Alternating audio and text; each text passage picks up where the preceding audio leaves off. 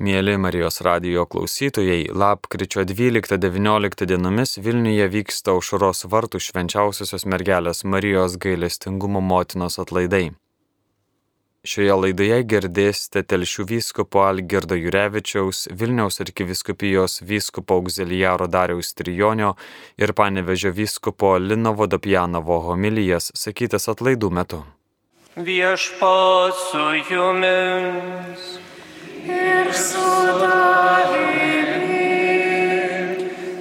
Šventojios Evangelijos pagal Luką. Garbė tau viešpatie.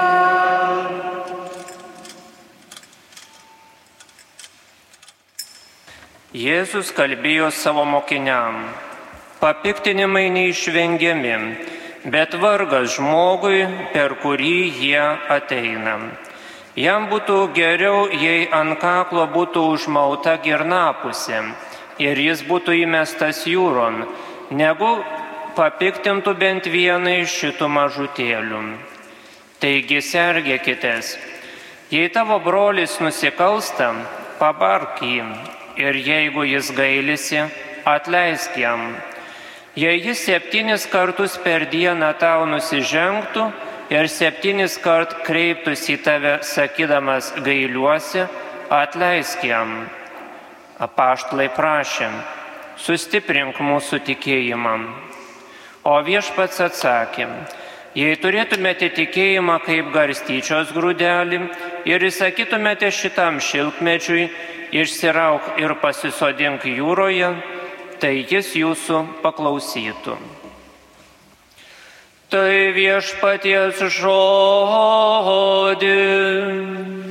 Šlovė tau, Kristau. Brangieji, šiandien Evangelija pateikė keletą temų, tarp kurių yra ir gailestingumo tema. Jei tavo brolis septynis kartus per dieną tau nusižengtų ir septynis kart kreiptųsi į tave sakydamas gailiuosi, atleisk jam. Brangiai, pabandykime šią Jėzaus mintį įgyvendinti arba bent įsivaizduoti praktiškai. Štai jūsų namiškis ateina ir sako, sudaužiau tavo mėgiamą stiklinę. Gailiuosi, atsiprašau. Nu ką pasakysim, nu menknikis, turime dar tų stiklinių, bet po kelių minučių vėl girdisi dužimas ir vėl jis ateina. Sako, atsiprašau, dabar jau puoduką sudaužiau. Ką sakysime? Na ką padarysi? Būk atsargesnis. Na ir vėl ateina. Sako, lėkštutė jau sudaužiau, atsiprašau. Kur tu žiūri? Kaip tu ten nemokelgtis? Ir tada jau prasideda. Ir taip, jeigu kartuotųsi septynis kart per dieną, kiek mums užtektų kantrybės tai girdėti ir kesti. Save aš truputį pažįstu, tai gal po kokio trečio karto tikriausiai išsprūstų ir koks stipresnis žodis, o kai kam gal netgi ir veiksmas. O Dievas nepavarksta atleisti. Psalmė sako, viešpats kantrus, maloningas, kantrus atleisti, nes yra gailestingas. Ir popiežius Pranciškus taip pat mums primena, kad Dievas niekada nepavarksta mums atleisti. Tai mes pavarkstame prašyti atleidimo. Niekada nepaliaukime, nepavarkime. Jis yra mylintis tėvas, kuris visada atleidžia. Jo širdis kupina gailestingumo visiems. Ir prašykime, kad mūsų užtartų švenčiausiai mergelė, kuris savo rankose laikė žmogumi tapusi Dievo gailestingumą. Brangiai švenčiame mergelės Marijos gailestingumo motinos atlaidus. Marija ypatingai dalyvauja Dievo gailestingume ir tampa didžiausia mūsų pagalba gyvenimo keli. Šiuo atlaidų tema šventoji Marija. Mums yra paraginimas gilintis į mergelės Marijos šventumą.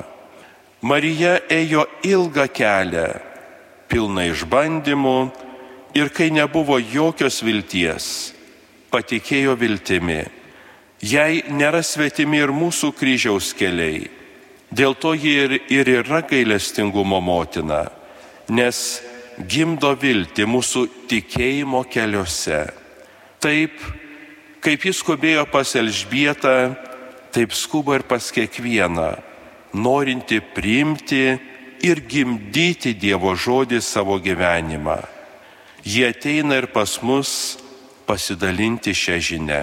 Brangus broliai ir seseris, visą spalio mėnesį kartu su jūsų arkiviskupu Gintaru teko dalyvauti Vatikane vykusiame viskupų sinode, kuriame dalyvavo iš viso pasaulio suvažiavę atstovai - viskupai ir pasauliečiai, vyrai ir moteris.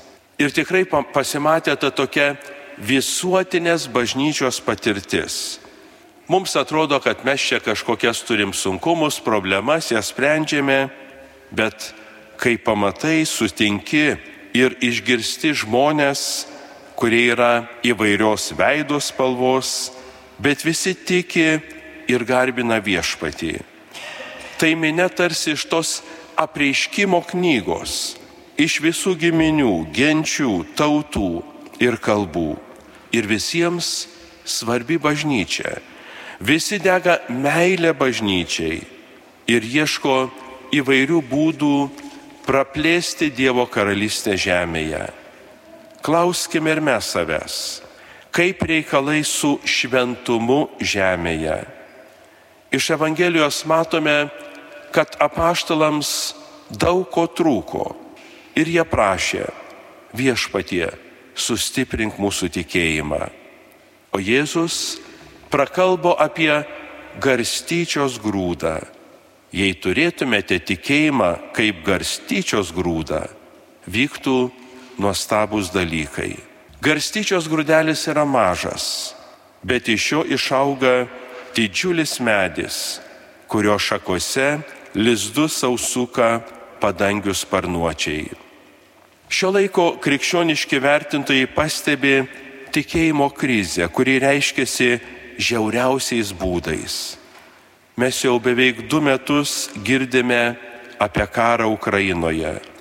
Neseniai prasidėjo Izraelio palestiniečių konfliktas. Kai girdime apie žiauriausiais būdais nužudytus žmonės, netgi nekaltus vaikus, išniekintus kūnus, klausėme, ar gali žmogus taip padaryti? Juk čia slypi kažkas šetoniško.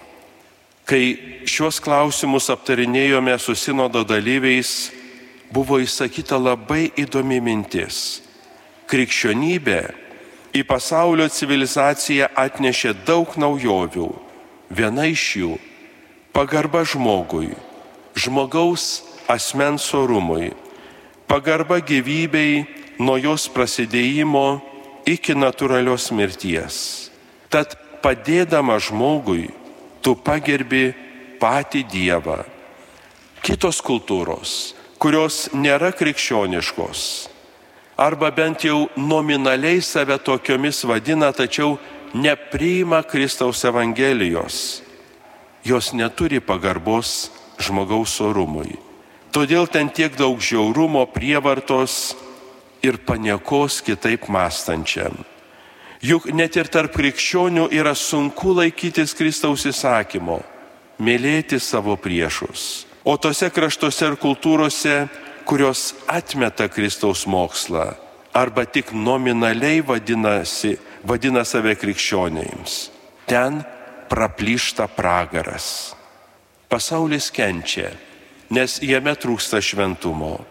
Pasaulyje trūksta šventųjų ir bažnyčia taip pat kenčia, kad pašaukti šventumą bažnyčios nariai pasiduoda piktojo suvedžiojimams. Dėl šventumo trūkumo girdime apie bažnyčios vaikų nuodėmės bei kitus piknaudžiavimus.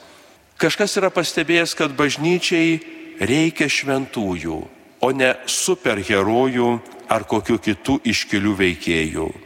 Romoje vykęs sinodas pabrėžė visų pakrikštytųjų bendrą atsakomybę už bažnyčią, o taip pat ir už pasaulį.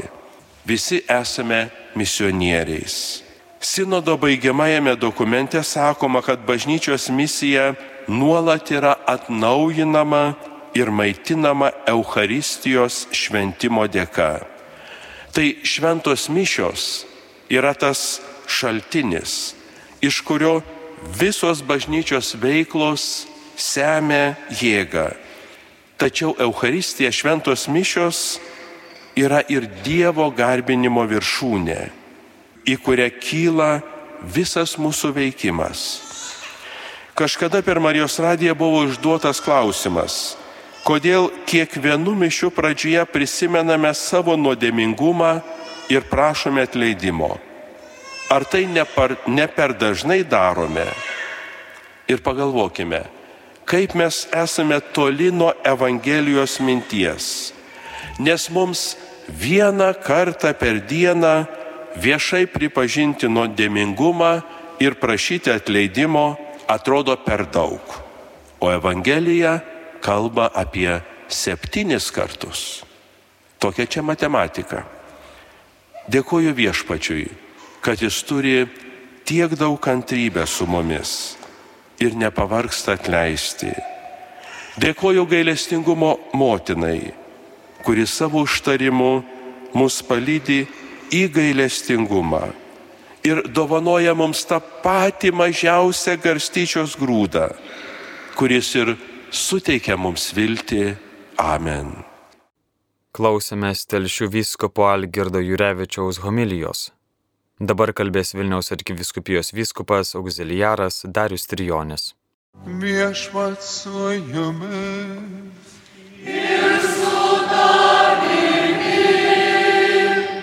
Iš Šventojios Evangelijos pagal Joną.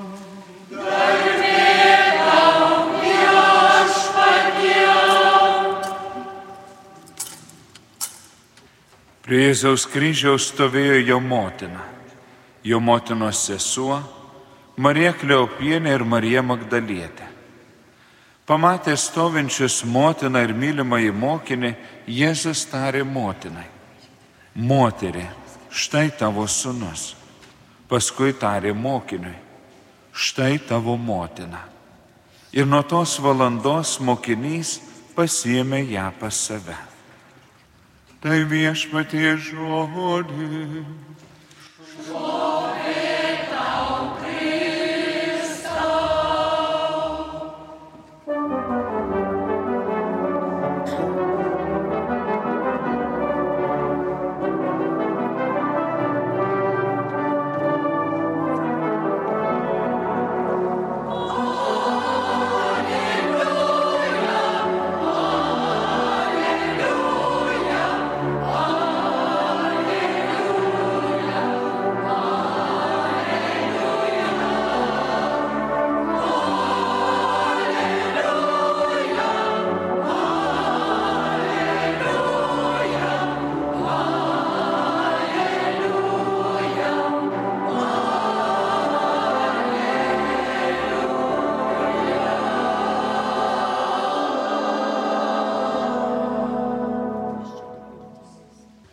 tiesų taip labai nuostabiai nuskambėjo melodija, taip pakeliai ir pakelia mūsų širdį, mūsų tikrai tas mintis link Dievo, ar tikrai džiugiai mes galime jį šlovinti. Ir šiandien taip pat mūsų ypatingas dėmesys krypsta į švenčiausią mergelę Mariją. Ir ypatingai, kada jūsų šios šventovės klebonas, monsignoras Kestutis, pristatydamas kunigų susirinkime aušros varto atlaidų programą, akcentavo šių metų teminį žodį, kurį mes visada minime maldoje Sveika Marija. Tai antroji maldos dalies pradžia - Šventoji Marija. Šventumas. Ta žodis atveria daug galimybių ir horizontų. Pažįstame daug šventųjų ir jų gyvenimo istorijų. Kiekvienas iš jų unikalus ir savitas Ir kiekvienas gali atrado savo kelią link dangaus ir nori mums taip pat padėti jį atrasti. Ir štai mes į mergelę Mariją kreipiamės litanijos maldoje kreipiniu šventųjų karalienę. Taigi ji visų šventųjų karalienė. Ir iš jos dar labiau mes galime pasimokyti, paprašyti ne tik užtarimo, bet ir kad ji mums padėtų siekti to šventumo. Taigi, ko mes galėtume išmokti Marijos mokykloje šį vakarą, kai melžiamės už žemės ūkio darbuotojus, už visus tuos, kurių dėka, kaip jau minėjau, mes turime maisto. Galėtume vardinti daugelį jos Marijos darybių, bet šiandien labiausiai norėtųsi man staptelėti ties viena, kuri ypač aktuali šiame laikmetyje. Tai vilties darybė. Neveltui Marija dar yra vadinama vilties motina, nes jos kelias nebuvo lengvas. Ir nors mes aušros vartose turime titulą Marija gailestingumo motina, bet jai tinka ir tie kiti titulai, būtent ta vilties motina. Ir Marijos gyvenime tikrai netruko išbandymų, sunkumų.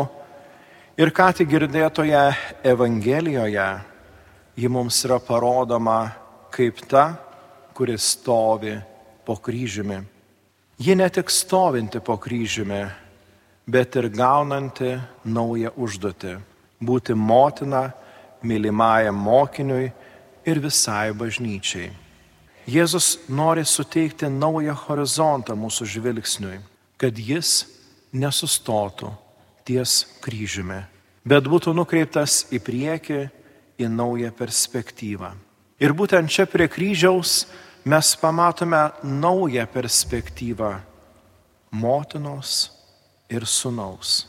Galime sakyti motinos ir dukrų ir sunų perspektyvą. Ir tai yra naujas vilties žvilgsnis, suteikiantis džiaugsmą ir pasitikėjimą. Šiandien, kai girdime karo aidą visai netoli mūsų, Ukrainoje, kai girdime Izraelėje karo gausmą ir kitur, vis labiau suvokime, koks trapus tas mūsų žmogiškas gyvenimas. Kokia dužlė mūsų sukurta žemiška gerovė. Kaip greitai viskas gali pasikeisti vos per trumpą akimirką. Ir štai mums į pagalbą ateina mergelė Marija. Su savo švelniu rūpešiu ir kartu paraginimu vis labiau kreipti savo žvilgsnį Jėzų į amžinybės perspektyvą.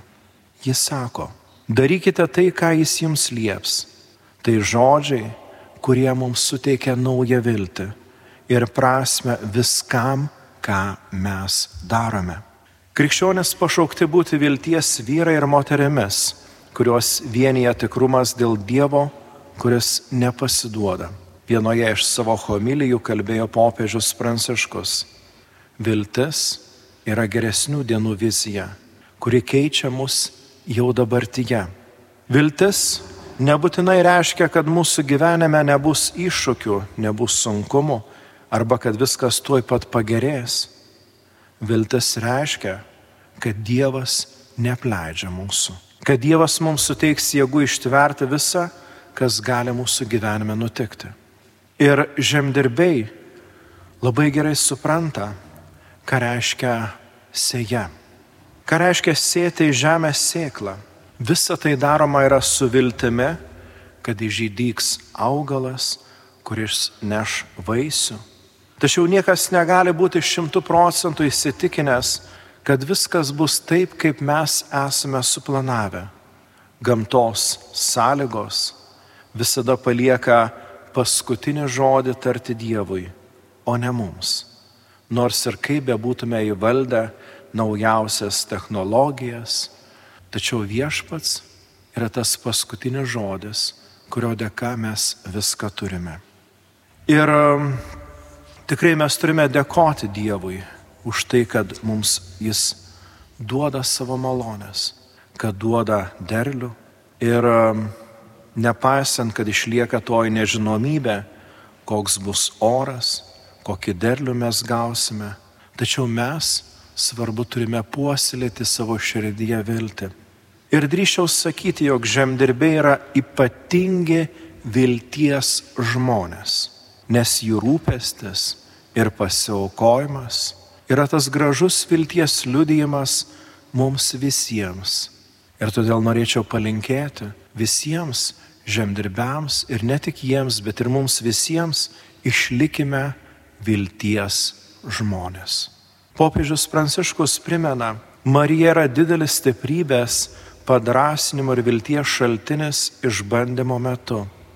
Kadangi ji yra mūsų motina, ji labai mumis rūpinasi ir visada nori mums geriausio. Prašykime jos paguosti ligonius, mirštančius, pasidalyti savo drąsą su sveikatos priežiūros darbuotojais ir visais, kurie rizikuodami savo gyvybę tarnauja kitų poreikiams. Kreipkime į Mariją, kai esame išsigandę ir vieniši. Ji liks šalia mūsų ir nuramins visas mūsų baimės. O svarbiausia, kai jaučiame sutrikę ar pasiklydę gyvenimo kelionėje, Marija gali parodyti mums kelią pas savo sūnų Jėzų. Iš tikrųjų, Marija visada išlieka su savo sūnumi iki pat galo jos atvaizdas, esantis kryžiaus papėdėje, įkvėpė daugelį menininkų pavaizduoti ją kaip ištvermingos vilties Dievo pažadų pavyzdį. Marija visada išlieka ten, kur jos prašo būti mylimasis sunus. Ji pasilenkia prie kiekvieno kenčiančio, abejojančio ar suvargusio žmogaus. Ji glaudžia mus visus prie savo mylinčios krūtinės ir moko mus pasitikėjimo ir vilties. Ir e, iš tikrųjų, brangieji, melskime, kad niekada nepritrūktume tos vilties. Ir kaip popiežius Pranciškus mus ragina, nepamirškite, visada viltis ir klausimasis yra labai susiję. O Marija yra moteris, kuri klausosi, kuri priima savo egzistenciją, kai jie ateina pas mus ir džiugiais momentais, o taip pat ir skausmingų metų, kurio niekada nenorėtume sutikti.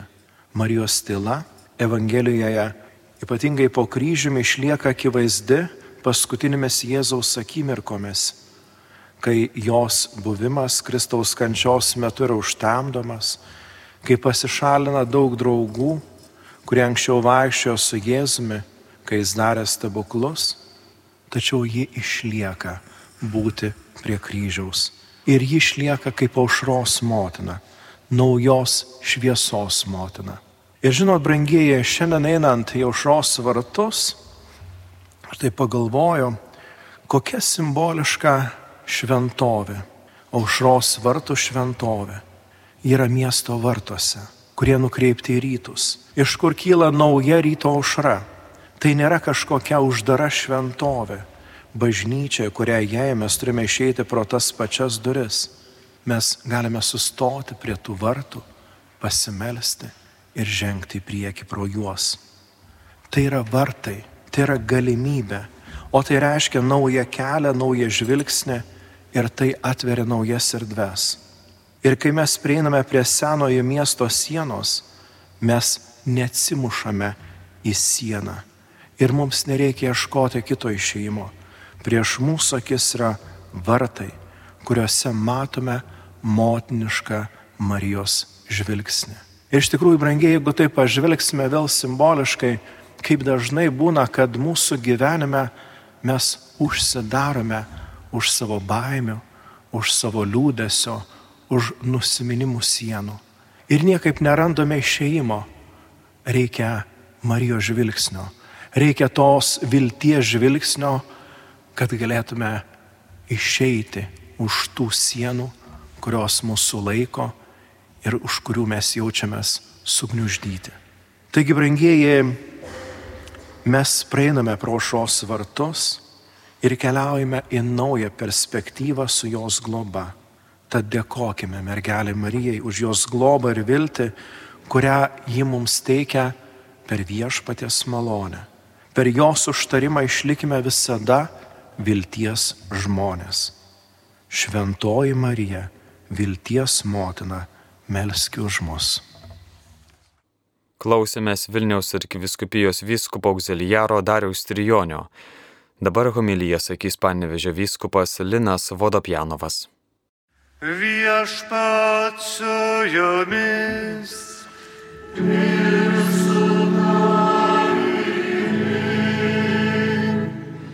Iš Šventojios Evangelijos pagal Joną.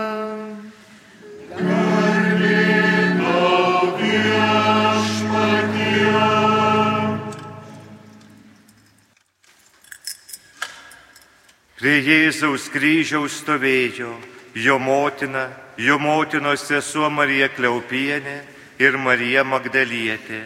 Pamatė stovinčius motiną ir mylimą mokinį, Jėzus tarė motinai, moterie, štai tavo sunus, paskui tarė mokiniui, štai tavo motina ir nuo tos valandos mokinys pasijėmė ją pas save.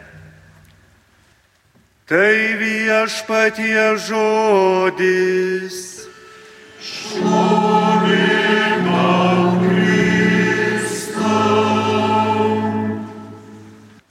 Mėly broliai seserys, mėly Marijos radio klausytojai, kurie šiandien visi jungiamės į bendrą maldą aušros vartuose arba mergelės Marijos gailestingumo motinos iškilmėse.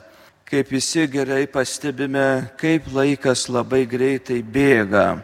Čia pavasaris, čia vasara, čia vėl ruduo, vėl artėja žiema Ir taip žmogaus gyvenimas, kaip galime prisiminti psalmininko žodžius, štai sako, žmogaus gyvenimas kaip ta, žytė, kaip ta gėlė ryte jinai žaliuoja gražiai, gražiai yra, jau vakare jau nudžiūsta, jo niekam jinai nebereikalinga ir sako, metama į krosnį. Taip žmogaus gyvenimas vis yra ta kelionė, kelionė link amžinybės, link dangiškojo tėvo namų ir visi kartu keliaujame. Bet kaip yra gražu, kad mums Dievas davė tokias nuostabes Dievo dovanas arba tokius ženklus mūsų tėviniai Lietuvai ir ypatingai tikrai Dievas dovanoja šitai Vilniaus miestui, šitam, šitai vietoviai, kada mes pavasarį į kokią šventovę renkamės po Velykų. Visi gerai žinome, tai yra Dievo gailestingumo šventovė, kuri šventoji Faustina štai patyrusi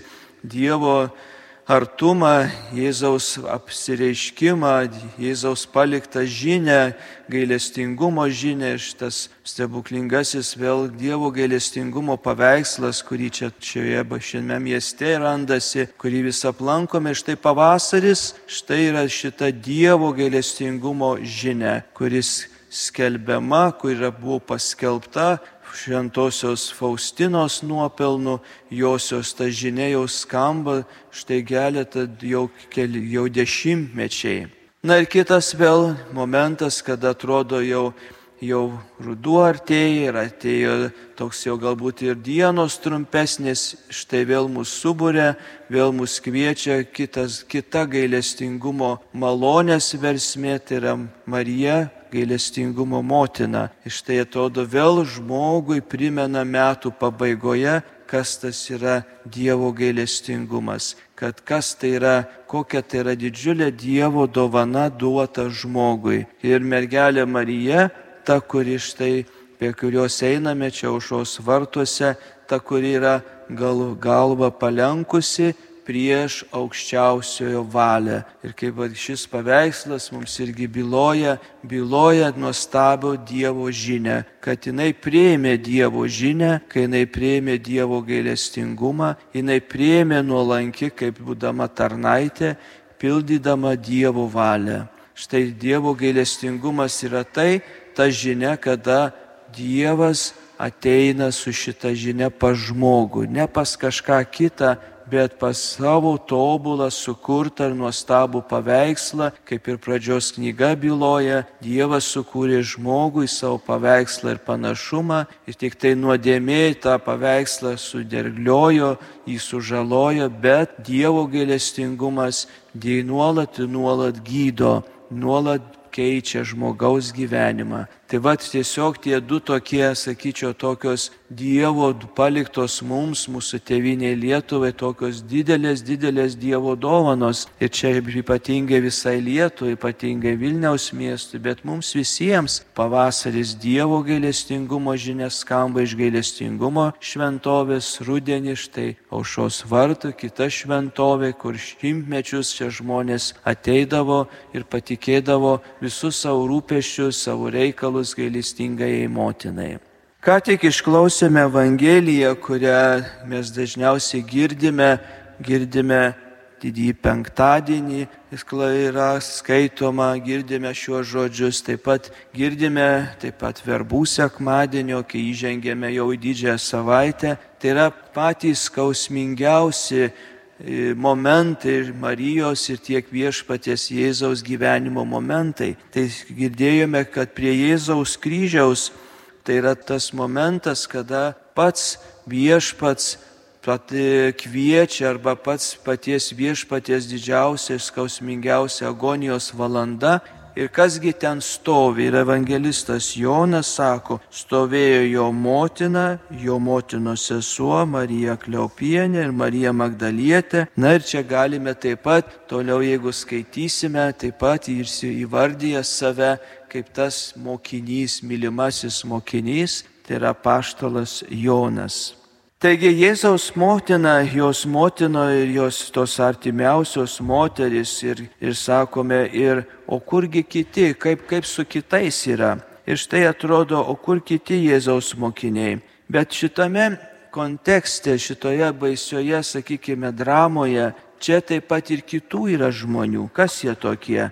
Kareiviai, fariziejai, aukštieji kunigai, kiti galbūt tik stebėtojai, praeiviai, galime sakyti dar ir gatvės įvairūs pardavėjai, piligrimai galbūt, užsieniečiai, suaugusiai, vaikai. Galbūt galėtumėm įvardinti šiandien irgi daug kur į šitą miestą irgi įvairių žmonių, kurie atvyksta kaip tik taip pasidomėti šituo miestu, kažką tai pamatyti, bet ir taip lieka tokia tik tai akimirka bet galbūt žmogaus širdies dar nepaliečia.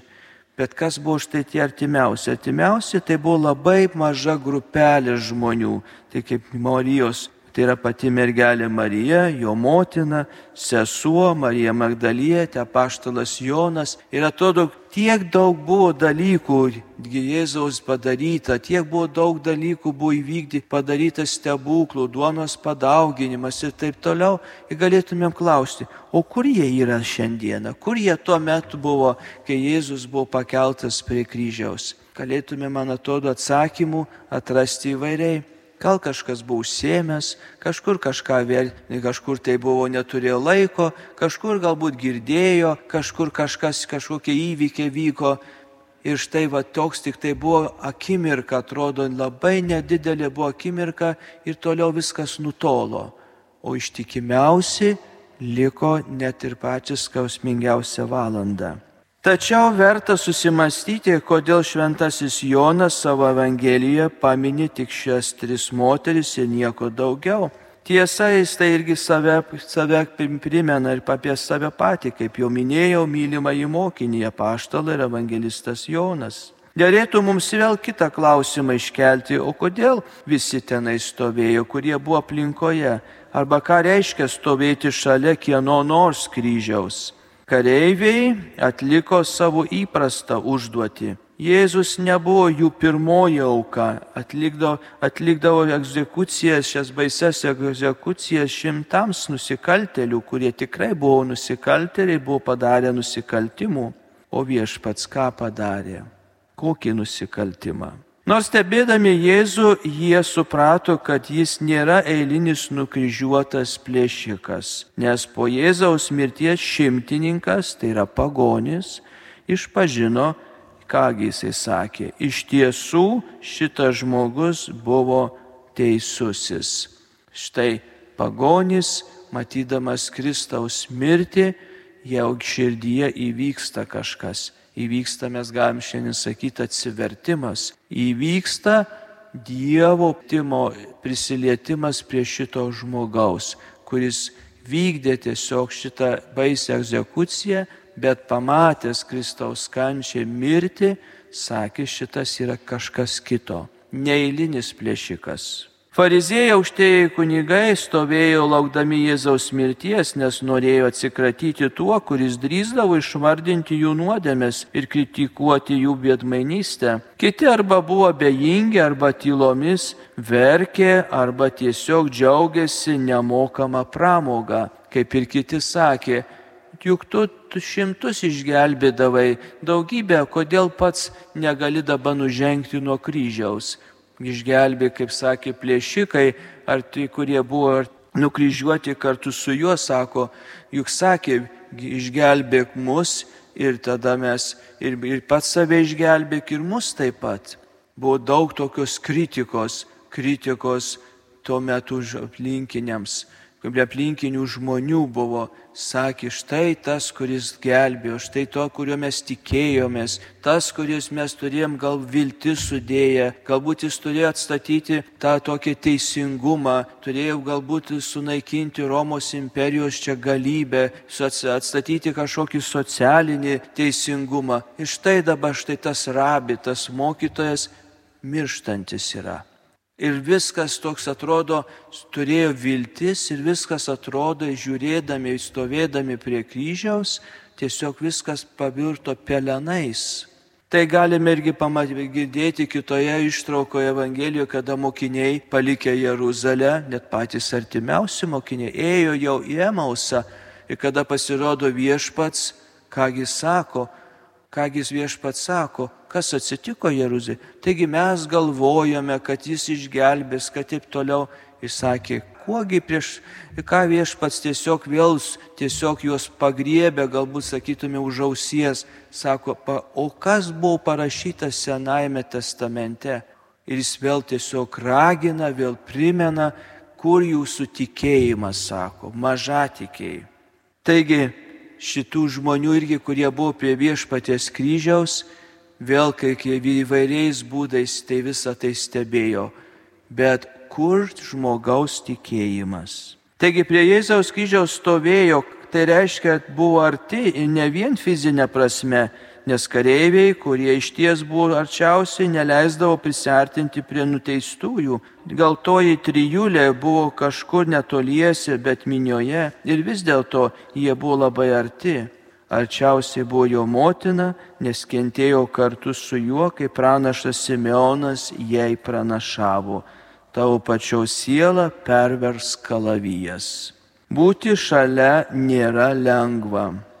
Būti šalia kenčiančio asmens tuo labiau, manyčiau, kiekvienas turime patirti, kaip ir argi sunku būti prie to, kuris kenčia, kuriam galbūt net negalime kuo labai padėti lygos patale, negalė ar kai tas išbandymas, ar žmogus, kada yra nusivylęs viskuo savo gyvenime, kaip padėti, matant bū ir būnant šalia to žmogaus kryžiaus. Būti solidariam su visuomenės ar valdžios vyresniųjų atmestuoju yra ypač sunku.